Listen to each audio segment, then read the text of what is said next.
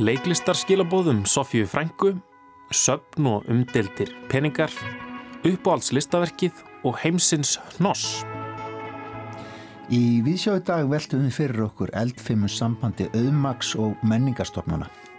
En að undarförnu hafa listasöp verið gaggrínd fyrir að þykja háar fjárhæðir frá eigandum eins umdildasta lífjafyrirtækis heims, Sakler fjölskyldinni. Sigurjón Baldur Hafstensson, professor í Sapnafræði við Háskóla Íslands, heimsækir þáttinn og ræðir tengsl peninga og lista. Birgir Sigursson, rafverki og myndlistamæður segir svo frá sínu uppáhalslistaverki og fyrir valnu verður mynd um myndlistamann. Og við ræðum við Sigur Gilva Magnusson, professor í Sagfræði og önnu heiðu Baldurstóttur, doktorsnema í Sagfræði, um öndvegisverkefnið Heimsins Hnoss, það sem efnismenning fyrir aldaðir rannsökuð. Hvað áttu forfeyður okkar og hvernig hafa eignir þeirra skilað sér inn í hugmyndir okkar um fortíðina? En í dag er 27. mars og á þessum degi árkvert er alþjóðlegi leiklistadagurinn haldinn hátilegur. Að þessu tilefni allar Tyrfingur Tyrfingsson leikskáld að flytti okkur stutt erendi frá heimili sínu í Amsterdam. Nokkur orð um hlutverk Sofíu Frængu. Það er fræg sagan af íslenskri leikonu á 20. stöld sem við hlutverk Sofíu Frængu í Kardamannbænum og slóði gegn. Þannig að í næstu uppfærslu og allt eru leikriti ákvæmna að leika Sofíu Frængu bara aftur. Og í næstu uppfærslu aftur. Þeir segja hún hafi gert Sofíu Frængur öllum personum síðan og um sjötu tæfi þar Sofíu á runnið í eitt og orðið sama kona. Hún er minna fræg sagan af vinkonum henni sem mætir í fermingavislar í karakter. Í ár keftur sér mussu og ætlar að leika keramikar bæði í kirkjunni og í veslunni. Ástæðan er svo að keramikar hefur um nóg að tala. Hún getur drullaði við leirtöið og ger grína keramikdýrin við gamlan homma. Í fyrra mættur sem djákni en vissi ekkert um hvað djákna tala tekur enginn eftir því að hún er í karakter því það matilum er enginn alveg hvernig hún þekki fermingabatni en henni leiði samt illa því henni fannst hún að hafa klúður all hluturki djáknans og ákvað mæta aldrei aftur sem önnur persona í fermingavisli. En hún gæti aldrei mætt sem hún sjálf og sumum finnst það sorglegt en hún er samt aldrei nær sér en þegar hún er í hluturki annara. Það er rétt á meðan færi hún frið. Þannig að í ár hefur hún eins og áður segir ákveð að mæta sem keramikar að fara út í búð sem faðir, áhuga maður um osta og eigin maður konu á túr, að nota sama síman til að senda mynda tippin á sér og til að skipulegja bingo í hjallastefnunni, fólk brennur út allstaðar og það er leiklistinum að kenna. Fólk stundar meðþóttleik, það lifir sinni hlutur sín og hverfur sjálfur sér og hluturkin er á mörg og það er ómögulegt að sætta þau. Fólk trúir ein leik. Það sem kerameikarinn og leikonan gera er kannski fyrsta skrefið átt af því að komast handan hlutverkstins. Það er ákveða báðar hvaða hlutverki þar gegna og leika ekki bara það sem eru beðnar um. Sama maður segja með eina dragdrottning út á landi sem kemur oft óum beðin fram sem Sofja Frænka og sopnar öðlóð og lætur sér dreymum það að Kasper, Jesper og Jónatan ræninu meðanótt. Ég er ekki einhver höfundur sem skrifa þetta ég er það sem er að baki þessum höfundi sem skrifa þetta og það er starra og merkilegra að því það er sama og liggur að baki þér. Það er auðvitað að vera dónalegu búðamann. Það er hins vegar erfiðar að vera dónalegu mann sem vinnur í búð. Um leið og ég byrja að sjá í gegnum mín eigin hlutverk fer ég að sjá í gegnum hlutverk annara og límið fyllist að raunverulegu fólki. Það er ekki hægt að hætta nennu, það er bara að byrja á nýju. Það eru 47 áhuga leikfélög að landinu. Það eru fólk sem fannst ekki nóg að leika keramikir á þess að nokkuð sæði til. Á leiklis.is getur þú fundið áhuga leikfélagið í þinni byggð. Kanski verður að leta Sofíu frængu og kannski finnst hún í þér. Við hinn að segja, þú ert ekki bara einhver drullusokkur sem svarar ekki e-mailum. Þú ert sjálfur alheimurinn ekki leika neitt minna. Sæði Tyrfingur Tyrfingsson leikskáld í tilefni að alþjóðlega leiklistar deginum sem haldin hefur verið á þessum degi 27. mars alveg frá árinu 1961. Þú ert sjálfur alheimurinn ekki leika neitt minna, sæði Tyrfingur. Þau eru ímisverkefnin sem að er haldið úti af Háskóla Íslands og fræðafólkinu sem að þar starfar. Við fréttum á dögunum að öndvegisverkefni sem að heitir Heimsins Hnoss og það var haldinn opin málstofa á förstu daginn var í fyrirlestrarsal Þjóminarsaps Íslands þar sem að samankomu íslenskir og erlendi fræðumenn og rættu það sem að þessu verkefni snýr. Hingað eru komin tveir af aðstandendum þessa verkefnis Það er Sigurður Gilvi Magnússon, profesor í Sakfræði og Anna Heiða Baldurstóttir sem er doktorsnemi í Sakfræði og þau ætla að segja mér aðeins frá þessu heimsins noss, þetta er fallet nafn allavega við byrjum á því. Hva, hvað eru þau að rannsaka Sigurður? Eh, við erum að rannsaka efnisheiminn frá 18. 19. og 20. stöld okkar áherslega er aðalega 19. stöldin en þó svona fram á 20. stöldina líka bara efnis heiminn Já, bara hvað raunverulega tilherði fólki, hvað átti fólk, hvaða hluti, hvaða muni fólk var með í kringum sig. Mm -hmm. Og við erum svo heppin að Mári Jónsson, professor í Sakræði, kollegi okkar, hann eh, hefur á undarförnum 6-7 árum verið að lifta þessum heimildum, eh, uppskrifta bókum síslumanna upp úr uh, geimslum uh, þjóðskjálasafsins og svona gera þau aðgengilegar og þetta eru rúmlega 23.000 uh, uppskriftir mm. það sem bú fólk sem uh, fjall frá eru gerðu upp og þá að mjög mikillir nákvæmni oft á tíðum. Það er alveg talininn í smæstu einingar. Já mm. og bara, þú veist, eila stundum bara alveg ótrúlega en auðvitað er það misjant, það er, það er náttúrulega það eru margir aðeila sem, eh, sem vinna verkið og þó að þeir hafi ákveðna ákveðnum skildum að gegna og fylgja ákveðnum reglum þá eru menninni náttúrulega misjafnir og fara misjaflega eftir reglunum mm -hmm. en í bestu tilfellunum eru búin ótrúlega nákvæm og uppskrittan ótrúlega nákvæmar sem gef okkur ákveðna ákveði tækifæri til þess að að raunverulega að bara velta fyrir okkur hvers konar hluti var fólk með, mm -hmm. fátatt fólk og ég vil ríkt fólk líka mm -hmm. því að stundum voru uh, uh, var síslimaður kallaði til til þess að gera upp sko stórbú, stórbú mhm um, ef, ef erfingarnir voru ekki alveg sáttir við uh, hvernig uh, ætti að skipta arfinum. Mm -hmm. og það sem hann gerir hann, hann uh, telur upp allt sem til er í búinu og verlegur það.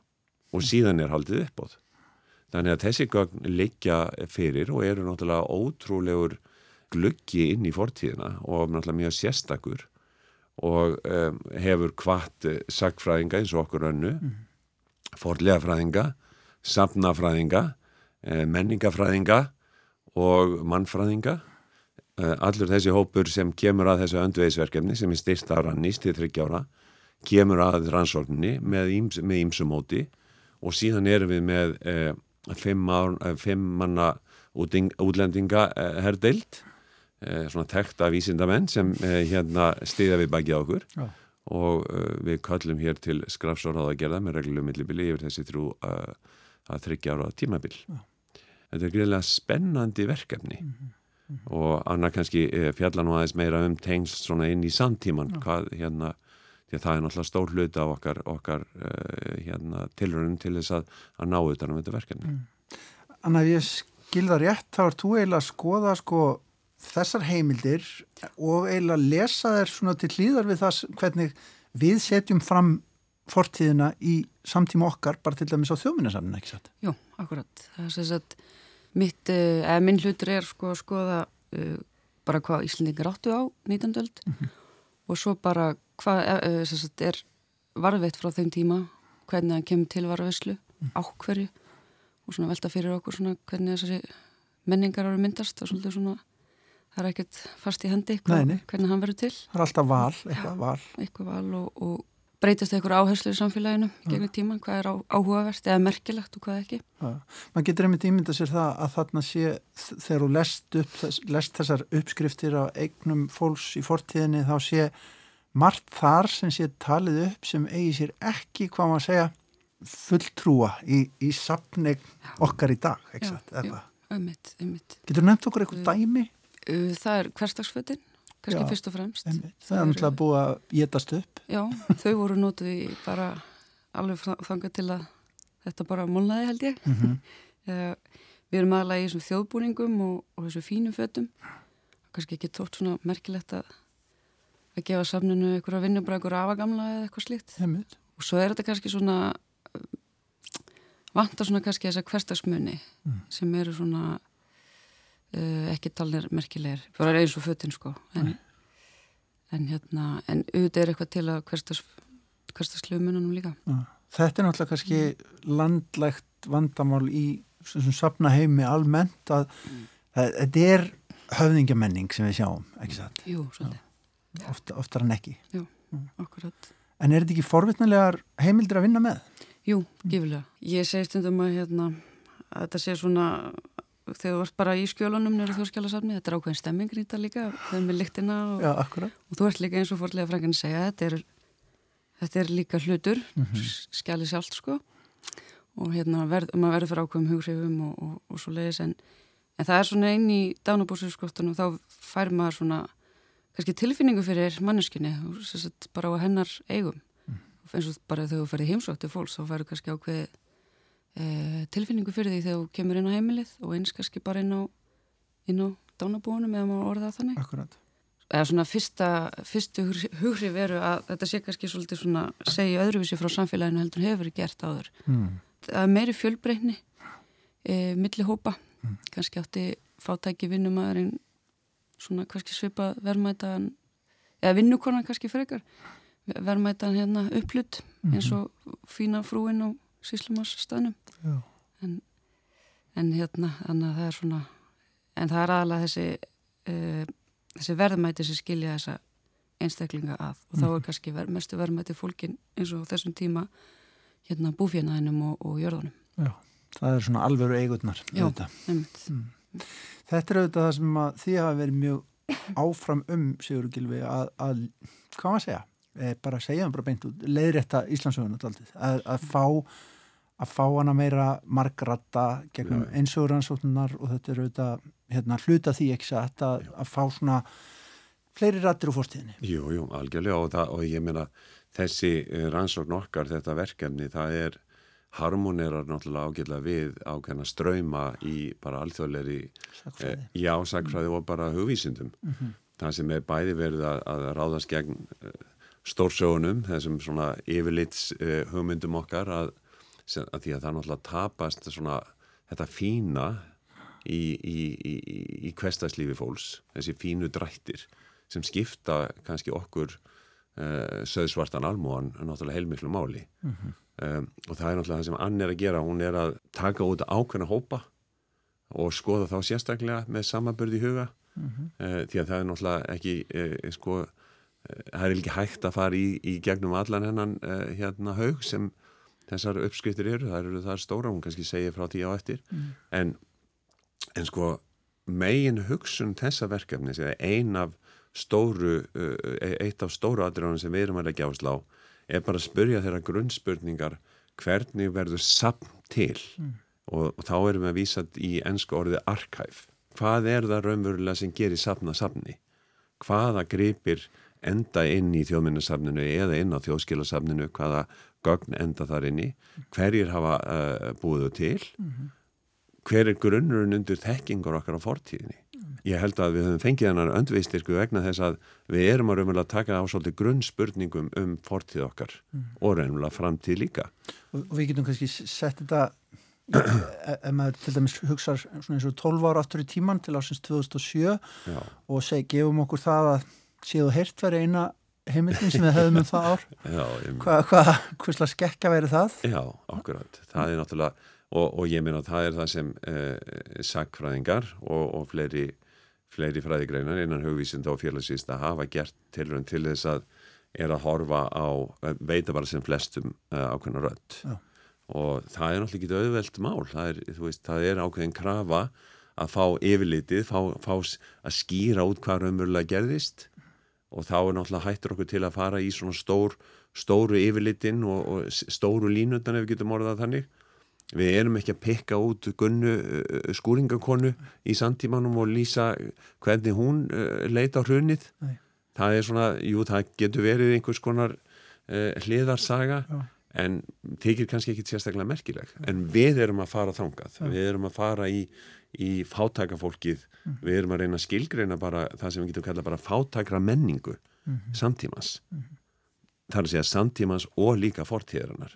Það er ákveðin, það er ákveðin kúltúr sem hefur, uh, sem, sem hefur tilheirt fátæku fólki. Og við erum að svona þefa svolítið að þeim kúltúr og reyna skilgirina hvað það þýtti að vera fátæk manneskja á 18. og 19. öld.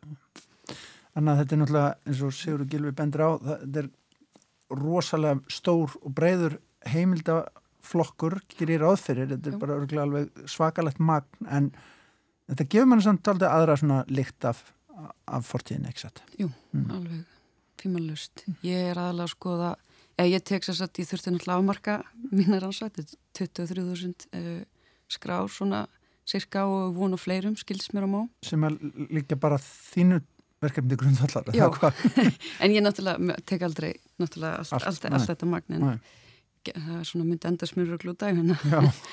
en hérna ég tek sér satt hérna þrjá hópa og svona afmarkaða nýri bara eftir stöðu og hérna aldurshópum. Og þá er ég að taka sko hérna ekkjur og bændur vinnuhjú.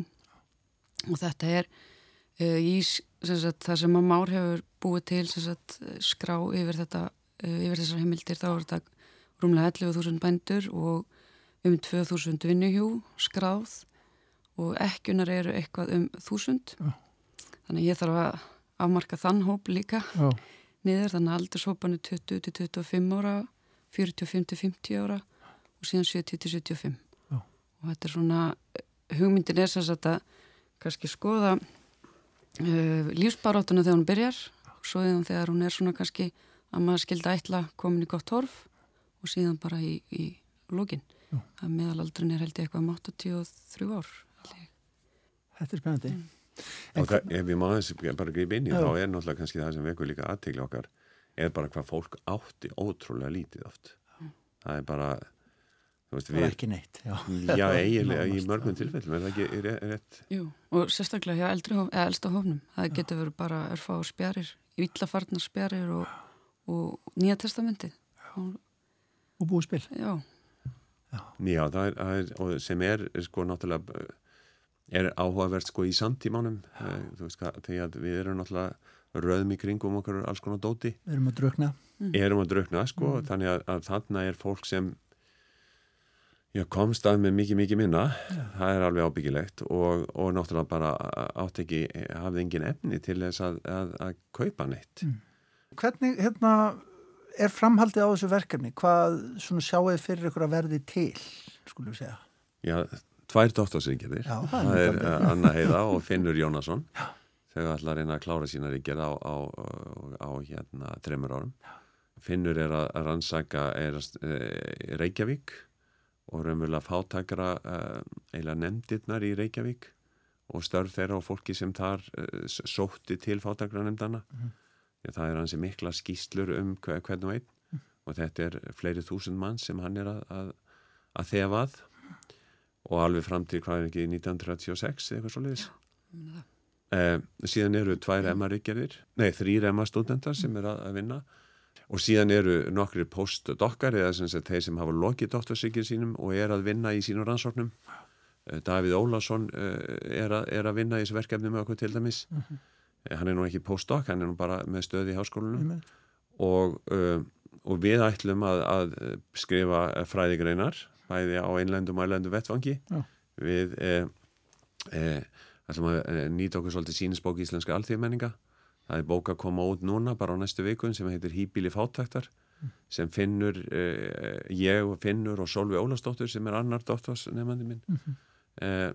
Eh, eh, við erum að gefa út og svo verðum við annað heiða í annari bók sem kemur út á næst ári sem fjallar um óennilegt fólk og, og svona fólk á í aðurinnum Nó að gera, heyr ég. Já, það er mikið að gera og, og náttúrulega svo erum við að virkja bara erlendu hérna bæði þennan hóp sem er í kringum beinlinis í kringum verkefnið og erum við fáin tækifæri eh, á hverju misseri til þess að bjóða heimsfrægum vísindamönnum hingað upp sem eru eh, á einhvern hátt tengdir svipiðum verkefnum mm. til þess að bara auðga okkar fræðilega líf og svo náttúrulega bara líf háskólans og háskóla, háskólalífsins, fólksins í, í háskólanum.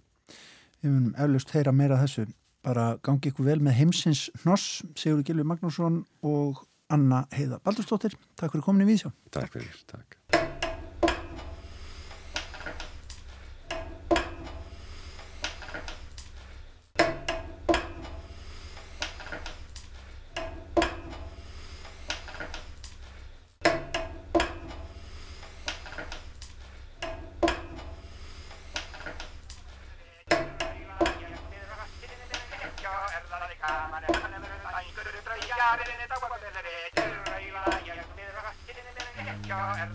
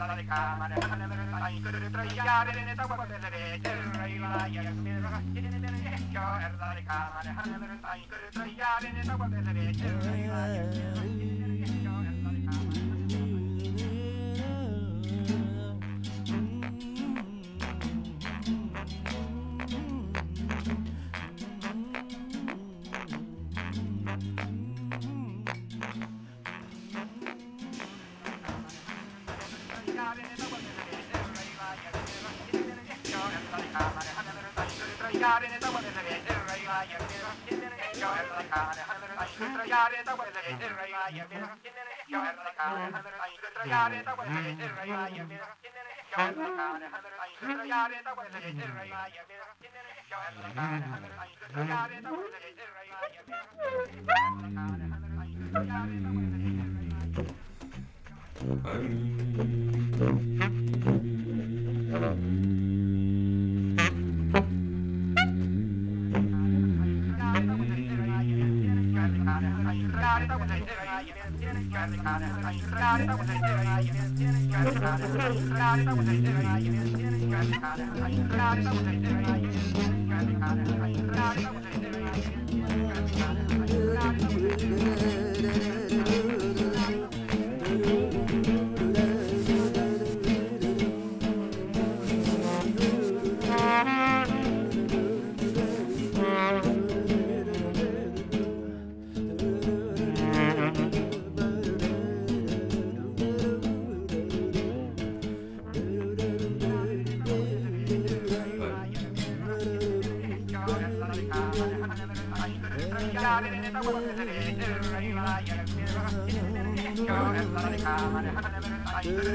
I'm gonna go get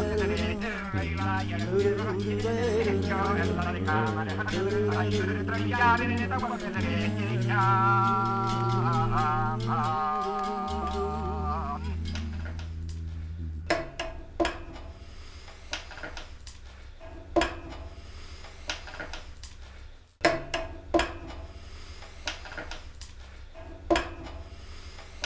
Þarna endaði einslag Guðuna á vel tilraunakentum nótum. Guðni, hvaða tónlist er þetta? Já, þetta var nýsköpun með íslenskan tónaarf. Þetta er af nokkur ára gammalli plötu sem heitir Rattir þjóðar, kom út árið 2002 og það eru eðal tónlistamennir Sigurður Flósarsson og Pétur Okkar Gretarsson sem að já, vinna með íslenskan tónlistararf og þetta er upptaka úr átnastofnun þar sem að Sigvaldi Indriðarsson raular þetta lag raular, raula ég við rockin minn heitir það og skemmtileg úrvensla alveg frábær plata sem er ofta að grípa við þegar maður er að huga svona að já, tengslum fortíðar og samtíma. Einmitt, eins og þetta áhugaverða verkefni heimsins Noss Akkurat En við ætlum að snú okkur að hennum vikulega áskorunarleik hér í Viðsjá. Hann virkað þannig að hlustendur skora á hvern annan að segja frá sínu uppáhalds listaverki. Í síðustu viku var það Karl Ómarsson myndlistamæður sem saði frá sínu uppáhalds listaverki og skoraði um leið á Birgi Sigursson rafvirkja, myndlistamann og galleri eiganda, hann reykur lítið galleri heima á sér, galleri 002. Eh, Birgir, hann svona fór kannski aðeins óeinlega leiða þessu og, og vildi frekar segja frá þremur vörðum sem að svona uh, voru, hafa orðið á leið hans að því að verða sá myndlistamæður sem hann er í dag. Um að gera að taka uh, svona frumlega nálganir á þetta. Já, mitt. Um, og kannski miðlægt í þessu er áhugaverð kveikmynd um myndlistamann? Sko, á vörðinu minni leiðin að, lista, að ég vera listamæður eru svona þrjár ofsalega sterkar vörður sem ég þegar í undirbúningunum að, að sem við talum fannst rauninni, það er ekkit eitt listaverk heldur rauninni, það er þess að þrjáru vörður og fyrsta varðan er þegar Þorvaldur Þorsteins hittinn, esku félagi mig frá Akkuri stæði við mig bara byrgjum að fara út að gera þetta. Hættu, hættu að hafa þetta í hausnum á þér. Og að svo líða, líða nokkur ár og þá fer ég á mynd með Baskja sem ég sér Baskja og bara litirnir og allt saman, þetta er þetta kvikmynd. Svo er ég búin að kynna mér hann mikið setna og lífverðna og allt það sem ég ætla nú ekki að tala um. En það er sko í, mynd, í myndinni er, er svona atrið sem ég notaði það sem notaði sko á, í kaffipásu þegar ég var, þegar ég var að vinna í Ósei sem rafvirki í skifhafsmjöðastu og í myndinni þetta gerist inn á hana, veitingastað og hann er að gangi augun á kærustunni sinni og helli tómasósu á borðið og byrja að leika sér í tómasósunni. Og ég auðvitað eftir myndin, eftir ég sá myndin þá var ég eins og ég sagði það hann er bara svona algjöru blissi, þetta svona listamæður ætla ég að vera. Og þannig að svo þetta innan mann að samfélagi svona hver er þetta? Og ég það er mjölkur ferna á borðinu. Og ég helli bara mjölkinni á borðið. Og við byrjum allir sem sátt við borðið að leika okkur í mjölkinni og þetta var einhver svona sko eftir á og svona meðan þessu gerist það var einhver svona magic stund sko. Það frelsi sem allir upplýðum við borðið leif okkur að leika okkur með puttunum að gera eitthvað, að teikna eitthvað óla brík og eitthvað svona var algjörlega stórkostlegt sko. Og það, þetta er einhvers svona þessi varðan frelsi. Frelsi sko raunni, hvað er það að við lifa sem frjáls einstaklingur síðan frjáls listamæður Þetta er svona leikin heimildamind og sem er svona, hún er staðfærð um sko já og hérna Já, hún er svolítið sett í gýrin með það sem sko, heimildar þætti sem það er og, og fægur að allt líf hans og svona sem að það var allt tekið út sko. En það eru svona essens, þetta er góði leikara, ég er búin að gleyma hver leikan sko og svona og vinna hans og svona, þetta er allt, þetta er svona, það kvikti við, þetta er svona einlega fyrsta heimildarmyndi sem ég sá um svona einhvern listamenn sem ég tengdi bara beint við sko. Hún bara, vá, og svo bara ég held ég eigin að sko vaff á S-bólu myndina sko já, hún er svona, hún er svolítið hann, hann er svolítið sko, hann er það er ekki mikið talað um henn í dag, ekki vaskið hann sko, en það að það eru svo margir aðrir sem hann var svona ruttið þessa braut mm. og bjó að því hann var, hann var svartur og bjó til þessa rauninni þú tala um fyrst í svarti stóri listamæðurinn og hvað er það rauninni?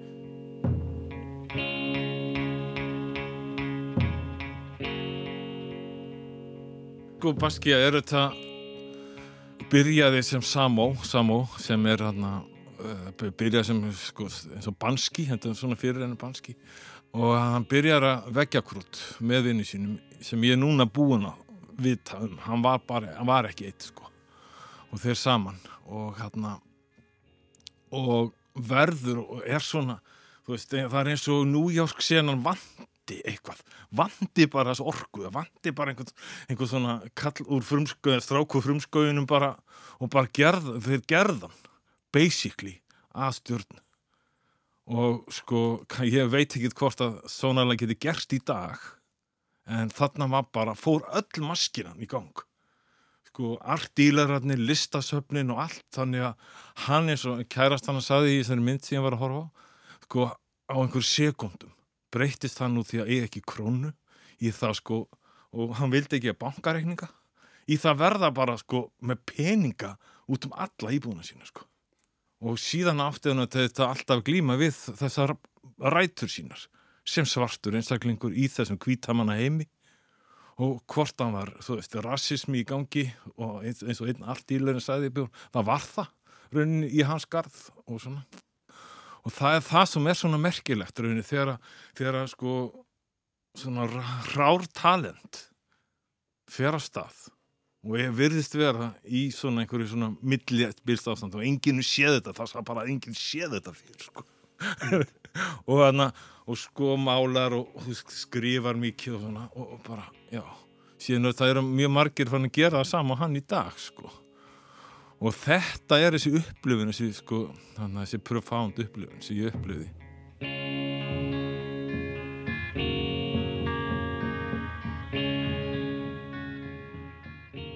og síðan er það raunin þegar ég stopnaði galeri mitt í íbúðinu minni í Hafnafjörði þá, þá fór að vinna með það er yfir hundrað, hátt í hundra listamenn búin að sína íbúðinu minni. Vá, hvað er þessi virði að fá að, við lifa í þessu frelsi og fá að rauninni að móta það umhverfi sem maður er í til fulls? Og það er rauninni það, það, það sem mér finnst svo spennandi í myndlist er að ég er alltaf að nota hluti sem ég á í að breyta, breyta notagildið þeirra og ég nota bílið minn og svona. En það er það sem ég finnst rauninni þessi listamenn sem hafa kvikt í mér og þessi, þessi, þessi indisla fólk sem ég bauði að síni núna tveikalleri hvað, hvað það leggur á sig og hann að það vinnur framlag og bara já og þú veist og færi þetta frelsi að nota 63 fermetra það vil sko og hvað kemur út úr því, mér finnst það alveg raun algjörlega magna og þú veist það, það, vá, þú veist, það er bara fyrir mér algjörð vá sko, alveg sama eins og þú veist og, og nú er ég hana, þú veist, hann álgast að, að starfa að fullu starfi sem listamæður, hann álgast að þá er, þá er þetta, þá er þessi bakgrunnur. Að eiga all þessi vámoment og eiga allt þess, þessa fegurð í samkiptum og samtölum og, e og e-mailum og vera allt í artílarum líka en samt ekki á samastað og artílararnir sem tók við Baskja sko sem voru þúsundum dollara hundruð þúsundum dollara sko en ég held að það myndi í dag ekki seld undir miljón, miljón dollarum eða meira. Og þetta var þetta alveg gífla afkasta mikill og dó eitthvað 26 ára. Ég held að skildi þetta sitt en svo sagði hann að á mánuði þá mála hann kannski svona 250 myndir sko. Þetta er en það er ekki, nei núna þeir gælir í og ég er ekki á hreimstað sko. Maður, en það er það sem mér finnst með hann. Það er þessi sem er líka sem átana það er þessi lítagli og að því ég er að, er að verki vera er að fara út í enn meiri ljóslista gerð er raunni hvernig ég næ þessum litum Bass Að lokum, hérna, hvern, hvern langar þig að skora á næst að segja frá sínu, sínu uppáhaldslistaverki? Það er umkonum Hildigunni Birgisdóttir, listamæður og er listakona. A very strange reaction The more I see, the more I do Baby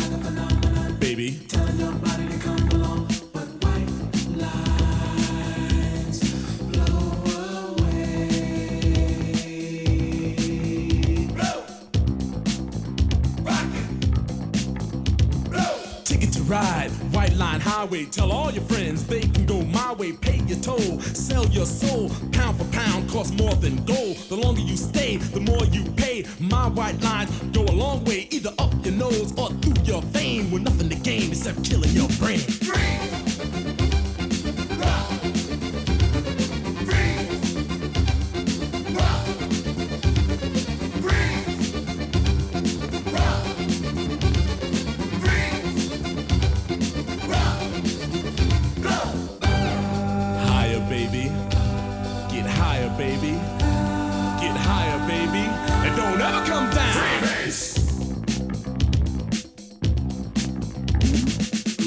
Pure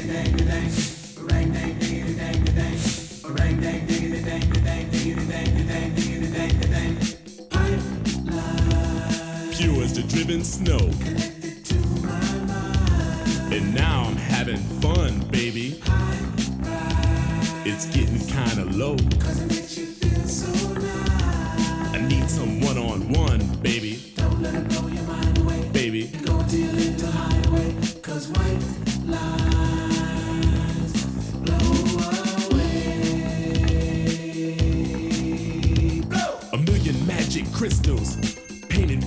White. a multi-million dollars almost overnight. Twice as sweet as sugar, twice as bitter as salt. And if you get hooked, baby, it's nobody else's fault, so don't do it. Free.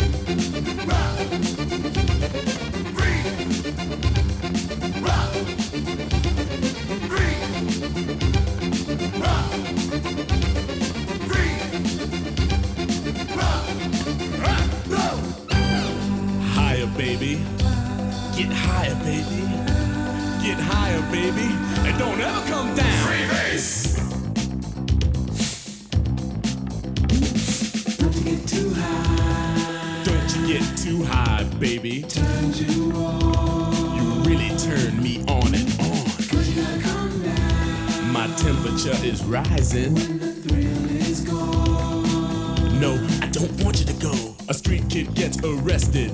Gonna do some time. He got out three years from now just to commit more crime.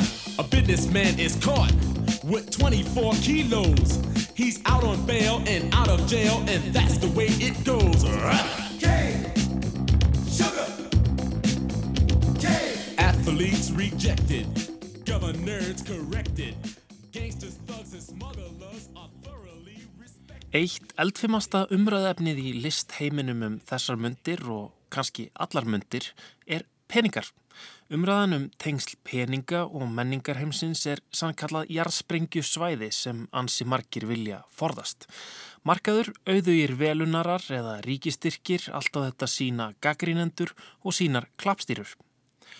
Upp á síðkastið hefur umræðan ekki síst snúist um þá enga aðila sem styrkja menningarstofnanir og listasöfn. Krafan er að verða stöðugt háværari að listasöfn og aðrar slíkar stofnanir taki ekki við peningum frá hverjum sem er. Söfnin er auðvitað í erfiðri stöðu nú á tímum nýfrjálshyggju og niðurskurðar, fjárhagslega aðþrengt og stöðugt meiri krafa um að þau séu ekki bara reikin á styrkjum frá hennu ofinbera, heldur afli sér einnig fjés annar staðar frá. Mótmælendur hafa undarfarna mánuði fært sig upp á skaftið í gaggríni á það hvernig stórfyrirtæki sem hafa sínt af sér vítavert samfélagslegt ábyrðaleysi kvít þó sig með styrkjum til menningarstofnana. Til að mynda hafa nokkur mótmæli verið haldinn í British Museum í London þar sem náttúrumvendar sinnar hafa mótmælt stuðningi ólíurisans BP við sapnið. Í Fraklandi hefur stuðningi franska ólíufyrirtækisins Total við Louvre verið mótmælt. Listamenn dróðu verk sín af síningu Hönnunasapsins í London eftir að í ljós koma rýmisapsins hafi verið notað fyrir viðburð á vegum vopnasölu fyrirtækis.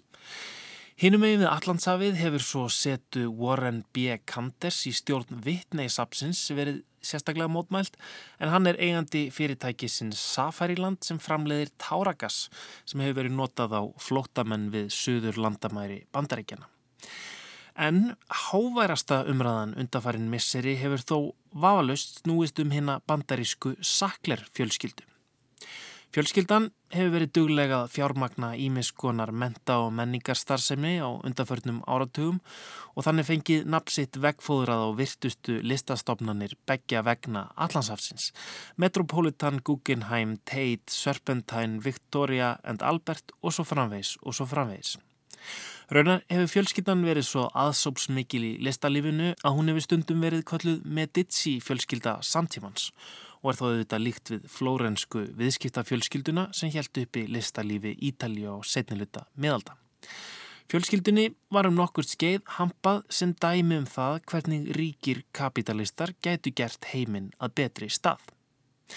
Það var áður en aðtegli fólks var vakin á því að helsta gullegg fjölskyldunar er livjafyrirtækið Purdue Pharma sem framleiðir verkelifið Oxycontin og er á mörgum álitið bera eina stæsta ábyrðina og hafa hagnast hvað mest á ópjóða faraldrinum sem hefur geysað undafarin ár í bandaríkjónum og víðar. Í byrjun síðasta árs steg eitt þekktasti ljósmyndari heims, Nan Goldin, fram og lísti því yfir og hún væri á meðal þeirra sem hefðu ánitjast verkjalifinu. Í kjölfarið hóf hún herrferð þar sem markmiðið var að neyða saklerfjölskylduna til að bera ábyrð á viðskiptum sínum. Til þess að fanga aðtegliðra verðu við að ráðast á góðgera starfseminna, skrifaði Góldin, þau hafa þvegið blóð peninga sína á göngum sapna og háskóla viðsvegarum heiminn. Síðan þá hafa verið haldinn fjöldi mótmæla á göngum íminsasapna og listastofnana og nú er þungi almenningsálitsins jafnvel farin að slega Excel-skjöl forsvarsmanna menningastofnana og þeir farnir að afþakka peninga saklarfjölskyldunar. Because of 400,000 lives lost due to addiction of Oxycontin. We need to have the Sackler family. The Sackler family. The Sackler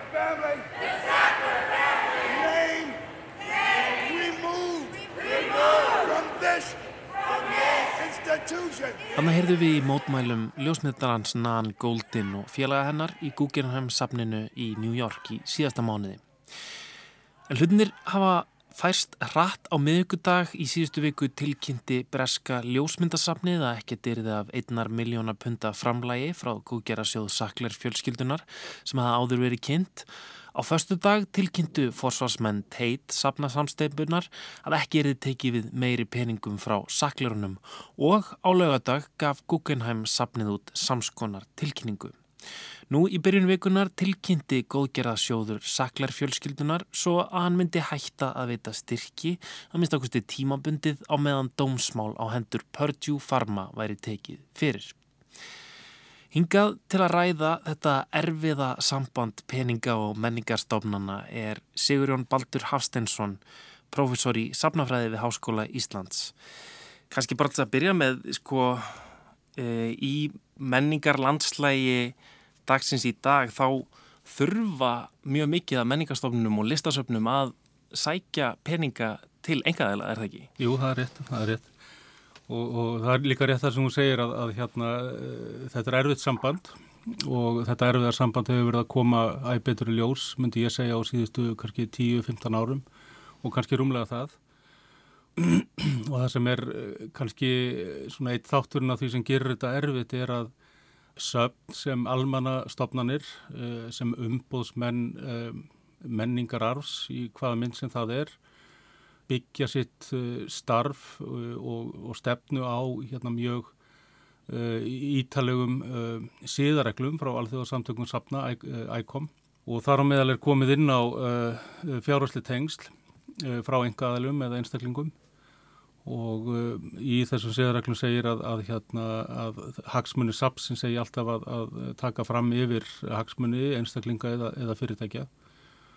Og, og það má segja að, að það hefur reynd á síðasta áratugur umlega það alltaf að meir á þetta meðal annars út af uh, kröfu uh, svona, sem við getum sagt að séu svona, uh, svona samfélagslega kröfur með, með tilliti til þeirra menningapolítikur sem verður að reka já, allavega í vestarnum þjóðfölgum ef ekki annar staða líka. Og hérna menn hafa oft sagt að þetta tengt þessari nýfrjálsiki eða neoliberalism sem á upp á sitt í hérna svona struktúrbreytingum um, á stuðningi ofinbæra yfirvalda við uh, listur og menningu. uh, bæði í hérna Norður Ameríku og ekki síst í Európaríkjunum og Ísland hefur ekki farið varlit af því. Og þar uh, í að þeim breytingum hafa að yfirvöld gert aukna kröfu um sjálfsaflafíði og móti ofta tíðum skori niður framlug til þessara stofnana. Og þetta náttúrulega hefur bara þýtt eitt að, að þessar almannastofnanir eru sagt, reknar út á, á hérna, engamarkaðinn í leit að, að einhverjum til þess að styrkja starfseminna og þar hafa menn náttúrulega eða söfn aðalega sótt í uh, þau fyrirtæki sem hérna hafa eitthvað fram að færa um, og eru fjárherslega sterk og, og þannig hérna hafa orðið til sambönd á milli safna og, og enga fyrirtækja sem hafa verið sterk, eiga sér oft áratuga langa sögu og hérna og þetta, já má segja kannski þetta samband um, hefur svona á undarförnum áratug og rúmlega það verið í hérna sviðsljósinu og umræðinni. Einmitt. Um, margir spyrja sig, já ok, fyrirtæki græða peninga með ýmsum, ýmsum leiðum, um, er ekki ágætt að þessi peningar fari bara inn í menningarstofnanir og hafi góð áhrif þar. Hvað er það sem fólk óttast við þegar, þegar það er að gaggrína að svona peningar sem að kannski um, er, er búið að skapa með samfélagslega óabyrgum hætti koma inn í, inn í liststofnunar. Af hverju er, er þetta fólki svona mikið hjartansmál? Já, já, það er góð spurning. Ég held að, að það megi svara því á ymsan hátu en einn þeirra er til dæmis bara það að, að er þessi grænþvottur þá enga fyrirtækja, oljufyrirtækja, livjafyrirtækja þau eh, tengja sig við eh, stofnarnir sem hafa góða ímynd, eh, gott branding og með styrkjónum er þá verið að, að hérna, já, græn þvó, þvó í raun og veru ímynd þess, þessara fyrirtækja mm. á sama tíma með því að slengja þeim saman. Ofta er mitt í þessu samningu gerð krafa um hérna, notkun og logoum í allri hérna, kynningarherrferðum safnana. Það eru einar ávíkjurnar basically er þá verið að segja að, að hérna, þessi vafa sem er fyrirtæki sé að hérna, misnota almenningstofnanir sem kannski þær upp í staðið að mati margra fá í raun og veru sára lítið út úr því mm. um, annað en bara einhverja x, margar krónur uh, en, en þeir sem græði í raun og veru séu þessi vafa sem er fyrirtæki mm -hmm. uh, annað sem menn hafa miklar ágjur af er, er, er sko reytskoðunar uh, þátturinn bæði beitn og óbeitn Eh, beini þátturinn eh, snýr þá kannski að því að eh, með styrkveitingunum og þá sé, má segja kannski hafa samt ef ekki ólíklegt að, að hérna viðkomandi sapkors eða listasapn eða menningaminnisapn eða hvers konar sapn það er, náttúruminnisapn hérna sem er að nota peningana í afmarkaða síningar eða einhver, einhver til ekki starf fjalli um viðkomandi fyrirtæki á síningunum í síningakatalógum á gaggríninhátt og síðan kannski þriðalegi þessar óbyrnu áhegjur sem er, er líka rittskoðanlegs eðlis er, er þessi svo kallega sjálfsrittskoðun þar að segja EF stjórnendu þeirra og þar með hérna, aðri starfsmenn taka við peningum og menn vita af þessu að þá er þessi sjálfsrittskoðun hvers og einn sem starfar inn á þessari safna með, þá með þeim hætti að menn íhuga ok, hér er einhver setning, hér er einhver framsetning sem getur mögulega stuðað uh, bæði þá ímynd fyrirtækisinn sem styrkisýninguna eða, eða eitthvað sem fyrirtæki stendur fyrir eða, eða kemur að og, og svona, þetta er svona kannski svona þrýr, þrýr þættir. Einmitt. Það hefur nú ekki farið neitt sérstaklega mikið fyrir umræðu um þetta hér á landi. Þú, þú nefndir að íslenskar menningarstofnanir hafa ekki farið varhluta af þessari þróun, alþjóðlegu þróun sem að, sem að stundu kentu nýfrálsíkju um, að þeir þurfa að fara að abla sér meira fyrir sjálfar. Um, já, eða hefur átt í stað einhver umræðu um þetta hér á landi, finnst þér? Já, ég, það er rétt. Um, Íslensk samfélag hefur náttúrulega og íslensk uh, menning og ekki síst uh, safna við mitt orðið hérna fórnalömp Eh, menningapolítik og nýfrjálsíkju á mínu mati og, og það má segja að, að svona á undanförnum þá svona 20 árum að þá hefur svona þessi menningapolítiska á, áhersla yfirvalda, ríkis, sveitafélaga uh, verið svo að, að þessar stofnanir afli meira sjálfsafla fíes og þar á meðal með, með styrkjum og, og hérna söfn hafa tekið slík skref um, í sömum tilvíku myndalega eins og til dæmis þegar þjóðminnarsafni Íslands fór í gerir samning við landsvirkjun til einhverja ára og, og svo kannski frækt þegar listasafni Íslands í hérna uppgangnum uh, fyrir áratögu, eða rúmlega það hérna uh, fekk Samson sem styrtar aðeila að, að starfsemi sapsins og nýlitt dæmi er kannski hérna listasafn, listasafnið á Agurir sem uh, skrifaði nýlegundur samning uh, við Norðurorku. Og þannig eru kannski svona þrjú dæmi um sagt, um, fyrirtæki um, annars vegar enga fyrirtæki sem hérna Samson var og, en, og, og er kannski þegar upp í staðið svona, svolítið svona e, kritiskur hérna e, vettvangur. Hinn tvö dæmin landsvirkinn og norðurorka þetta eru samfélagslega reygin fyrirtæki.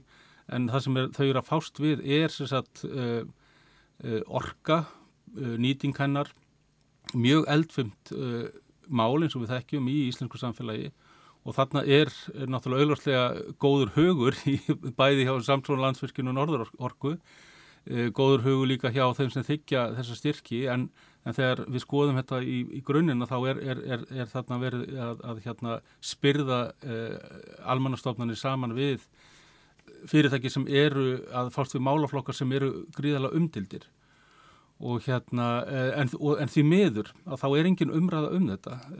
Okkur finnst þetta að vera held ég mögulega yfir gaggrinni hafið. En ég held til dæmis að, að sko erlend nýlega erlendæmi um, um hérna styrkvettingar oljufyrirtækja til uh, safna í Breitlandi eins og Teit eða, eða hérna livjafyrirtækja eins og Sakul í, í, í Bandaríkjunum og í Breitlandi er enda líka svona ætti að, að vera tilefni fyrir okkur til þess að, að vekja upp þessa umræðu hjá okkur og, og spyrja hvort að þetta sé heilla þróun og um, að það er líka annað, annað í þessu sem er, er það að þegar upp í staðið, maður sér það að þessar er, erlendu umræðu að jafnvel þótt að séu stórfyrirtæki sem gefi stórar upphæðir til þessara sapna að þá er þetta kannski þegar upp í staði bara örlíti brot af veldu þessara uh, upplugu stopnana eins og Guggenheim Sapsins í New York eða, eða Tate uh, í hérna London og, og hérna uh, þannig að, að þegar kannski í því samingi er horta málinu þá er þetta í raun og veru ekki þannig að, að, að þykja þessa styrki séu, að þessi styrku uppaði séu íla þannig að þetta er bara spurt um það hvort að þau þessar stofnarnir lifi af eða ekki. Emitt. Sýrun Baldur Hastensson, professor í Safnafræði á Skóla Ísland. Takk kærlega fyrir að koma á ræðum þetta erfiða samband peninga og menningastofnuna. Já, takk að þér. Já, og fyrir sérstakt áhuga fólkum þetta erfiða samband peninga og liststofnana má benda á að enn lengri útgáða af viðtalinu við Sigurjón er aðgengileg á menningavef rúf, rúfmenning.is. En þannig líkur við sjá hjá okkur í dag.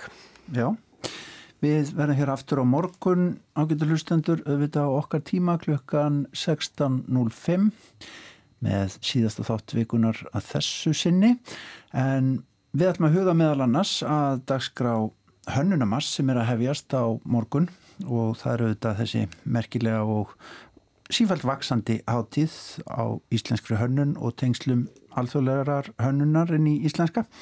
Við förum meðal annars í heimsókn í Veröld, hús Vigdísar Fimboðadóttur, vestur í bæ og ræðum við Rögnu Fróðadóttur um textilsýningu sem þar er uppi. Það á að halda heilmikið málþing líka um textil og bara við veltum þess aðeins fyrir okkur, þessu fyrirbæri. Það er ímilsi álita efni sem að koma þar upp. Gauti Krismansson ætlar að vera með bókmyndapistil hjá okkur á morgun. Hann ætlar að fjalla um ljóð og ljóða þýðingar á verkum Ilja Kaminski sem að er vist síðasta verk Sigurðar Pálssonar sem að Sölvi Björn Sigursson tók við og kláraði. Forvindilegt hvað Gauti hefur um þá bók að segja. En svona ljúkum við þessi dag. Já, veriði sæl. Veriði sæl.